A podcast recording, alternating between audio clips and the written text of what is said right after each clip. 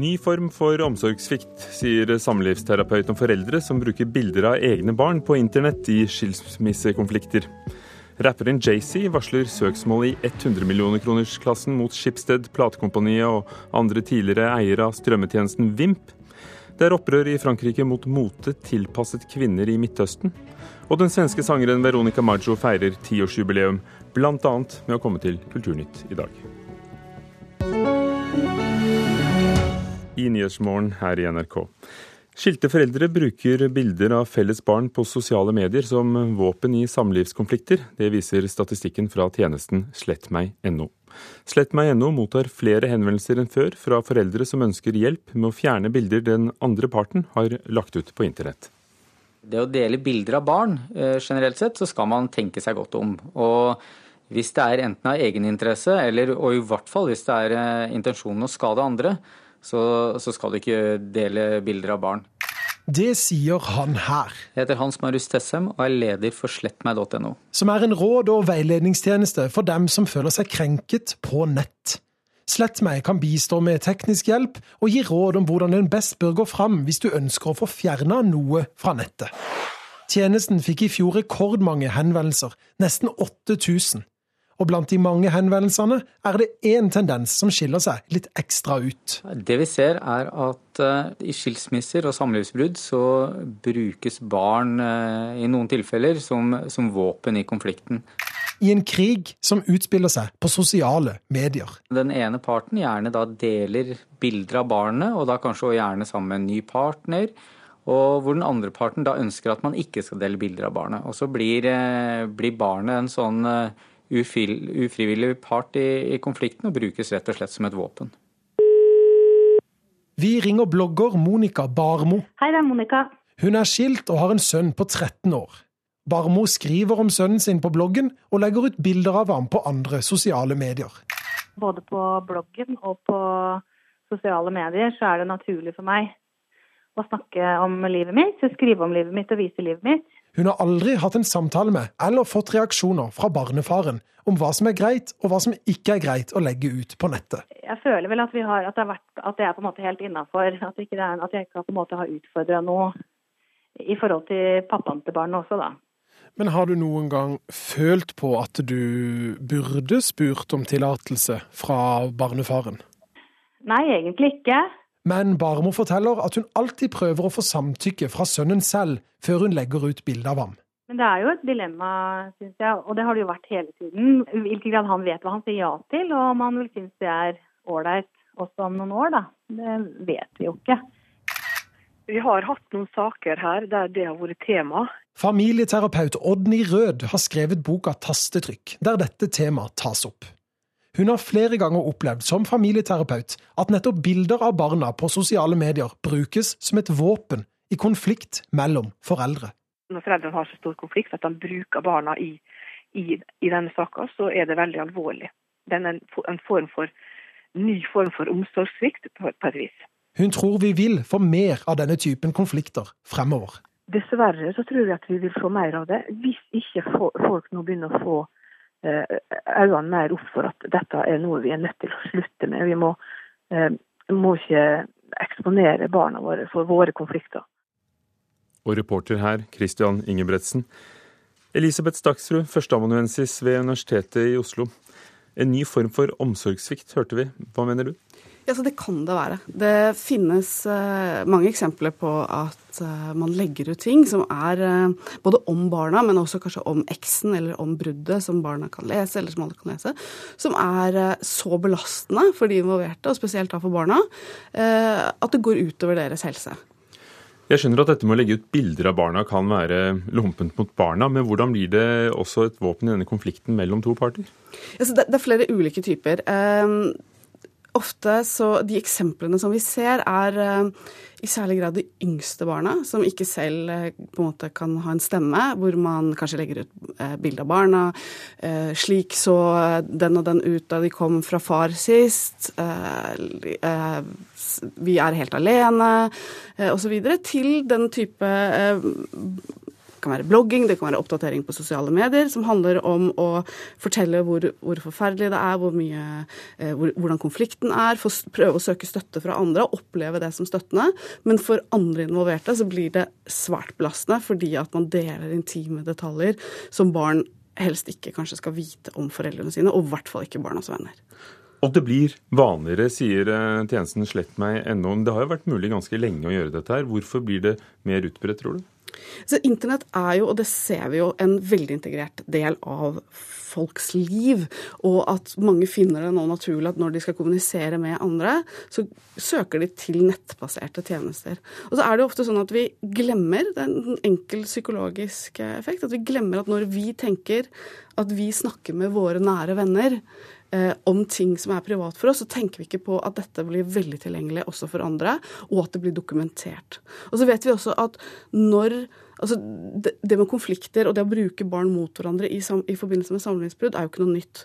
Men det som er nytt, er at når man bruker det gjennom nettet, eh, så blir det også veldig dokumenterbart. Det blir søkbart, det blir ofte liggende lenge.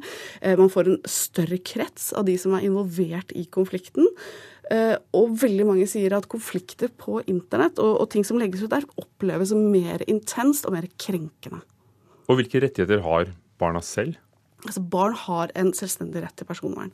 Og så er det jo sånn at Foreldrene som er omsorgspersoner, har eh, en slags eh, forvaltningsrett kan man kanskje si, over barna mens de er små. Og så etter hvert som barna blir eldre, så skal de ha en større og større stemme i egen bruk. Problemet i akkurat denne type konflikter er jo nettopp at det er foreldrene som er de som skal passe på barna, som gjør det. Og da blir det ekstra vanskelig, og så ekstra vanskelig å gjøre noe med det. Takk skal du ha, Elisabeth Dagsrud, førsteamanuensis ved Universitetet i Oslo.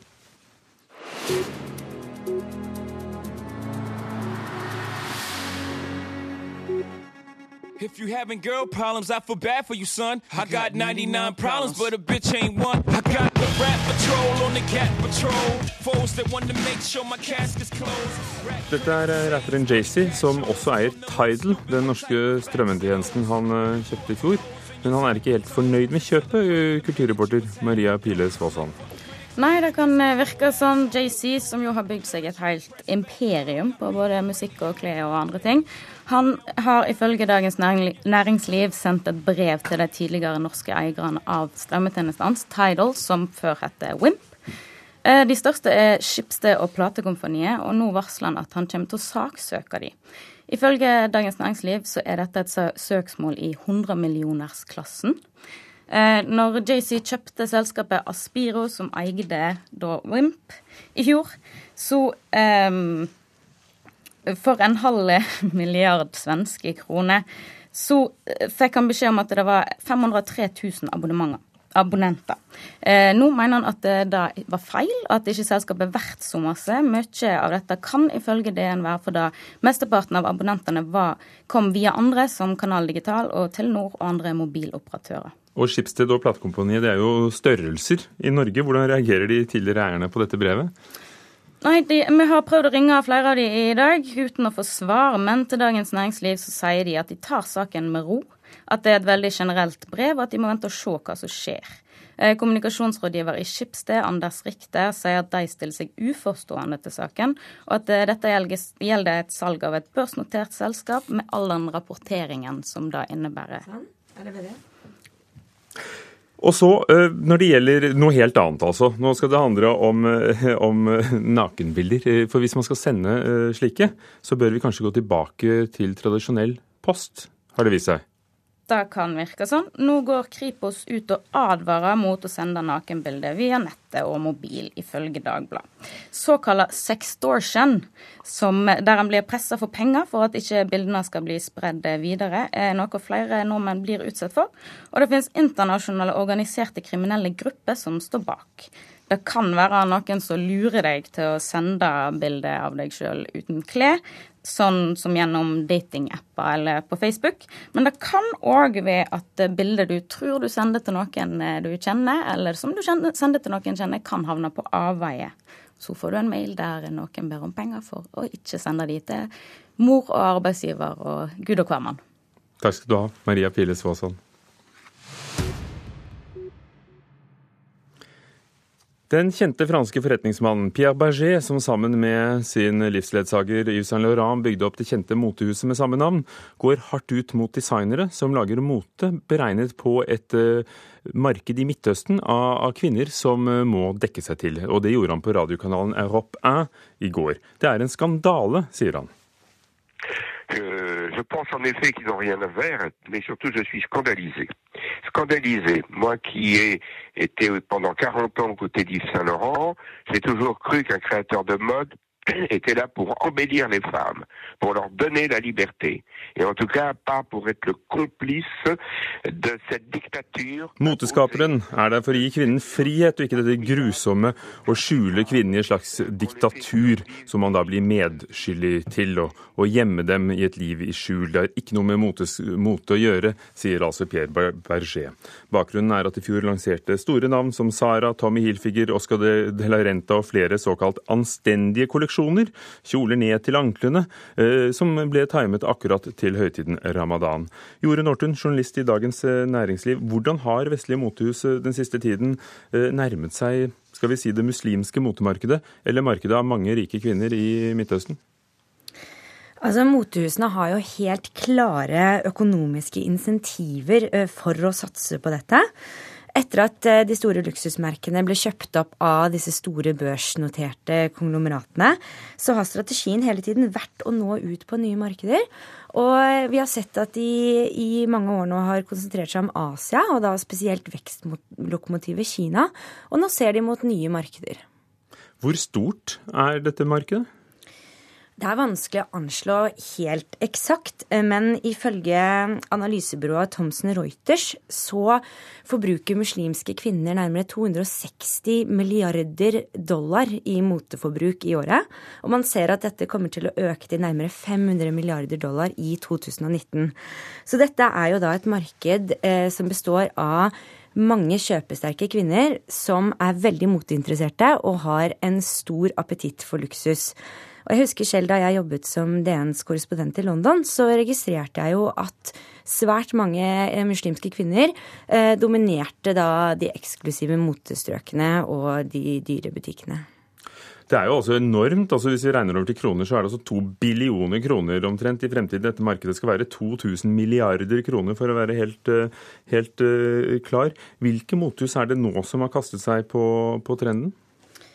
Ja, altså Dolce Gabbana er jo ikke de eneste eh, som satser på muslimske kvinner. Eh, DKNY eh, startet med en kolleksjon spesielt ramadan-orientert, som kom i 2014. Og det siste året så har Tommy Hilfiger kastet seg på trenden. Oscar de la Renta har gjort det, og Mango. Og svenske HM viste også hijab catwalken nå i høst. Og japanske Uniqlo kommer til å selge hijaber i London nå. Vi har en nordmann i London som heter Christian Odnevik, og han eh, har jo også bygd seg opp et eget lite luksushus basert på arabiske kvinner i stor grad. Og han leverer også kjoler til presidentfamilien i Aserbajdsjan. Hmm. Og I Frankrike er det ikke bare Pierre Berger, eh, mannen bak eh, Yves Saint Laurent, som, som, har reagert. Også familieministeren Laurence Rossignol var sterkt ute i går og sa at dette er som om svarte som støttet slaveri, og, og viste til en eldre filosofisk tekst da hun sa det. Men også den kjente feministen og moteskaperen Agnes B sa at dette er ikke noe hun vil være borti. Altså Hvilke reaksjoner kommer? Det er ikke helt unisont. Altså Reaksjonene har vært eh, veldig blandede. Eh, mens mange finner dette veldig spekulativt, kynisk eh, og lite innovativt. Altså Vi må huske på at Chanel i sin tid f.eks. skapte kreasjoner på catwalken som bidro til å frigjøre kvinner gjennom at man brukte eh, løse plagg, bukser og andre typer ting. Så mener vel mange at dette er, er eh, veldig bakstreversk. Mens eh, så finnes det også noen som mener at dette er en kundegruppe som fortjener sine egne plagg. Takk skal du ha, Jorunn Northun, journalist med et spesielt blikk på mote i Dagens Næringsliv. Klokken er 17 eh, minutter over åtte. Du hører på Nyhetsmorgen i NRK. Åtte av ti nordmenn får igjen penger på skatten i år. Gjennomsnittsbeløpet for de som får igjen er 11 000 kroner. Terrorgruppen IS har egne lister over selvmordsbombere og medlemmer som har reist tilbake til Europa. En syrisk redaktør advarer mot det han kaller 300 udetonerte bomber. Og det er overgrep og tvangsarbeid på anleggene som bygges for fotball-VM i Qatar, har Amnesty avdekket. I nominasjonskampen før presidentvalgkampen i USA har Donald Trump måttet dele rampelyset med sin egen valgkampsjef. Denne uken ble Corey Lewandowski siktet for å ha gått til angrep på en journalist. Det var i begynnelsen av måneden at journalisten skulle stille Trump et spørsmål, mens eh, Lewandowski grep inn, tok så hardt i armen hennes at hun fikk blåmerker. Dem har hun nå vist frem. Han har tidligere nektet for å ha gjort dette, men nye videoopptak viser det motsatte. Og likevel forsvarer Trump sin valgkampsjef. The news conference was over. It was done. It was finished. And she was running up and grabbing and asking questions, and she wasn't supposed to be doing that. Uh, and I think you should, I told him, I said, you should never settle this case. You should go all the way. I think they've really hurt a very good person. De har skadet en uh, virkelig bra mann, sier Donald Trump. Vårin Alme, statsviter og kommentator på nettstedet amerikanskpolitikk.no. Er det blitt farlig å dekke Trumps uh, nominasjonskamp? Ja, Det er jo spørsmålet. Man har jo ventet på at noe skulle skje. Altså, Det har jo vært eh, ikke bare opphaussing til vold generelt på hans valgmøter, men han har også gjort et poeng ut av å, å gjøre narr av og kritisere pressen. Eh, og hauset opp tilhengerne sine eh, og pekt på denne innhegningen han har på valgmøtene sine for pressen. Og det har jo vært, eh, altså Han har nektet eh, journalister og fotografer adgang til møtene sine hvis han ikke har likt det de har skrevet og, og rapportert. Eh, og de har, altså da, I Chicago var det en hendelse der hvor en av reporterne ble arrestert. Eh, så det har vært aggresjon og vold og kritikk rundt eh, pressen på hans valgmøter. Så det er jo spørsmålet. Er det flere tilfeller som dette? Jeg kan ikke, altså han, har blitt, han Lewandowski har blitt anklaget for å ha vært voldelig og brukt vold tidligere og brukt vulgært språk, men jeg kan ikke se lignende episoder som dette. Samtidig skriver altså Washington Post at også um, også flere to andre altså pådra seg mindre skade mens de dekket uh, valgkampen. Og National Public Radio, NPR, de tilbyr nå sine journalister et kurs i å håndtere fiendtlige miljøer, vanligvis reservert for dem som skal i krig og terror. Hva, hva tenker du om det? Ja, altså Det er jo en helt ny situasjon. Eh, og, bare I Slate nå nylig var det en av journalistene der som skrev om, om denne vanvittige forskjellen fra det å f.eks. dekke valgkampen til, valgkampen til Jeb Bush, der hvor han skrev at de satt stille og rolig og snakket sammen på, på eh, altså, eh, rolige diplomatiske arrangementer, mens det å dekke Trump var som å stå i en litt sånn krigsaktig situasjon, der hvor du hele tiden var redd for at du enten ikke skulle få rapportert det som skjedde, eller da risikerte å ende opp i en voldelig situasjon. Men hva blir konsekvensene for dekningen av nominasjonskampen? Uh, altså, det som er viktig å huske på, er jo at selv om dette kanskje ikke er en vanvittig altså, stor situasjon i seg selv, så er det jo reaksjonen av det og signalene sender ut som betyr noe. Uh, og da, det, det, største her er jo pressefrihet.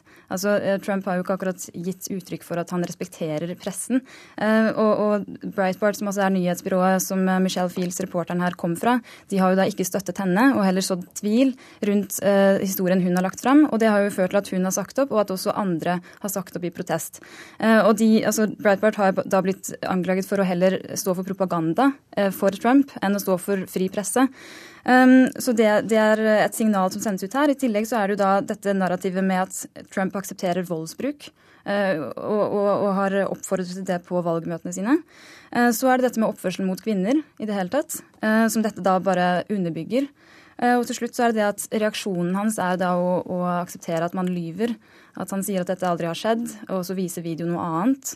Eh, sånn at det, det, altså, Hendelsen i seg selv signaliserer en sånn slags eh, altså, man, man, bygger under på dette her med at han er en bølle som nekter å si unnskyld for ting som faktisk bør tas avstand fra. Er denne nominasjonskampen i år noe helt nytt i forhold til tidligere i eh, tidligere tider i USA? Er det, er, er, må vi legge noe nytt i begrepet amerikanske tilstander? Altså I hvert fall med, rundt Trump-fenomenet. Um, det har jo vært helt vanvittig å se den forskjellen i hans valgkamp fra tidligere. Og nå, nå nylig var jo pressetalsmann for Det hvite hus, Josh Ernest, uh, ute og sa at verken Bush-administrasjonen eller Obama-administrasjonen ville ha beholdt uh, Corey Lewandowski. De ville sparket ham. Og det er jo sjelden at en altså, demokratisk talsmann for uh, Det hvite hus også uttaler seg på vegne av den tidligere republikanske administrasjonen. Sånn at det viser jo litt hva vi, hva vi har med å gjøre her. Mens Trump altså tar valgkampsjefen sin i forsvar, selv om det nå er ganske omtvistelig at han, at han tok hardt i denne reporteren. Takk skal du ha, Vårin Alme fra nettstedet amerikanskpolitikk.no.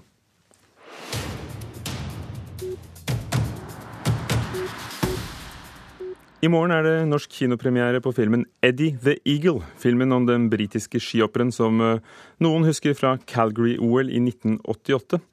Vår anmelder Birger Vestmo kaller dette et hoppteknisk mareritt, og han lar seg verken imponere av den forutsigbare dramaturgien, Taron Egertons klovneri i hovedrollen eller Hugh Jackmans troverdighet som gammel hoppstjerne.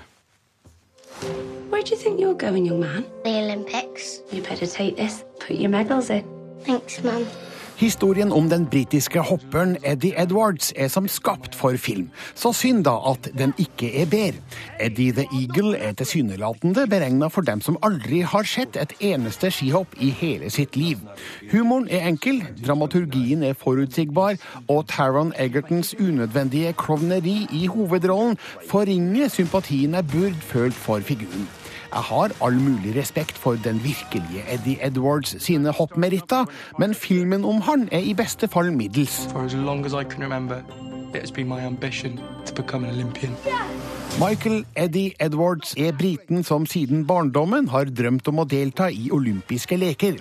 Han har pågangsmot og entusiasme, men mangler sportslige egenskaper. Når han ikke får bli med på det britiske alpinlaget, bestemmer han seg for å bli hopper i stedet. Han drar på treningstur til Tyskland, der han møter det glemte hopptalentet Bronson Peary, spilt av Hugh Jackman, som kan bli Eddies løsning for å kunne kvalifisere seg til OL i Calgary i 1988. Rent hoppteknisk er denne filmen et mareritt. De hopper V-stil før teknikken ble oppfunnet, bruker snøløse overrenn, upreparerte bakker, og Eddie Edwards hopper etter Matti Nykänen med lavere startnummer. Slikt spiller sikkert liten eller ingen rolle for dem som ikke har et forhold til sporten, men kan virke forstyrrende for mange nordmenn. Filmen har imidlertid noen norske innslag. Rune Temte og Mats Sjøgaard Pettersen har bad guy-rolla som norsk trener og hopper, men de får lite spillerom og forsvinner etter hvert uten videre seremoni. Hovedfokuset her er forholdet mellom Edwards og Peary. Gudene skal vite hvorfor Hugh Jackman tok på seg denne rollen, og han gjør heller ingen stor innsats. Hans fortid som skihopper er ikke veldig troverdig, og når han gjør et hopp i skjorte, jeans og Snape i kjeften, er det klart at troverdighet heller ikke har vært en målsetning. Scenen er veldig digital, i likhet med et par andre som plages av billige effekter. I heard you were a champion, so I was thinking maybe you could give me a few tips. Give up. There's one for free. Historien i Eddie the Eagle er bygd opp på et fryktelig tradisjonelt vis. En person med all odds mot seg må overkomme store problemer for å nå sitt mål. Her ligger det ingen overraskelser på lur. Regissør Dexter Fletcher har fokusert på kos og hygge, men hjertelaget blir overfladisk og uinteressant. Humoren er heller ikke god nok til å heve filmen. Jeg merker meg at en kommentator i bakgrunnen refererer til det sjamaikanske Bob-laget, som òg gjorde seg bemerka i Calgary i 1988. Den ble det òg laga en film om, nemlig Kalde rumper i 1993. Den er dessverre mye bedre enn Eddie the Eagle. I take jumping very seriously. You're ready the Eagle. En av ukens eh, premierefilmer, Eddie the Eagle, anmeldt av vår filmanmelder Birger Vestmo, som minner om nettstedet nrk.no film, hvor du finner alle ukens premierefilmer anmeldt.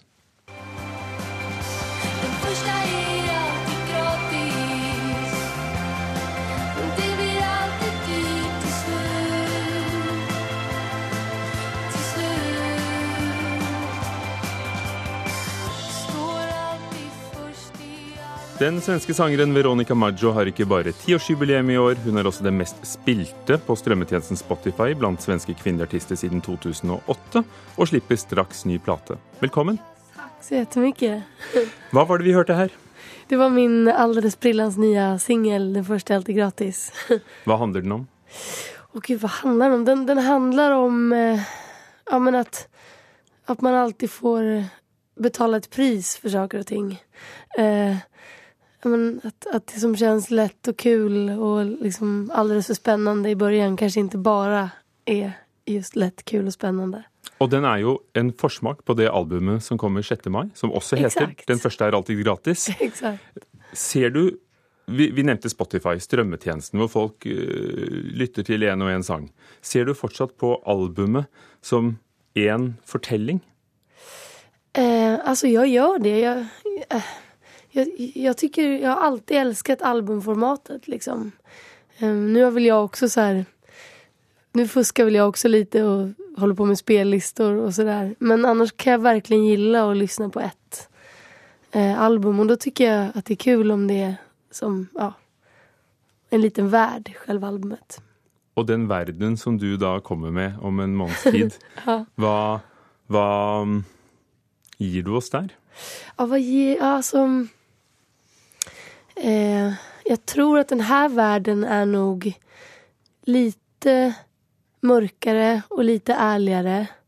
Og veldig mye her og nå. Altså Forut så har jeg liksom eh, nesten eh, ja, men försökt skapa någon sorts maskhål bakåt i tiden och det har varit mycket ehm, nostalgi och tillbakablickar så. Men den, den här skivan är väldigt mycket här och.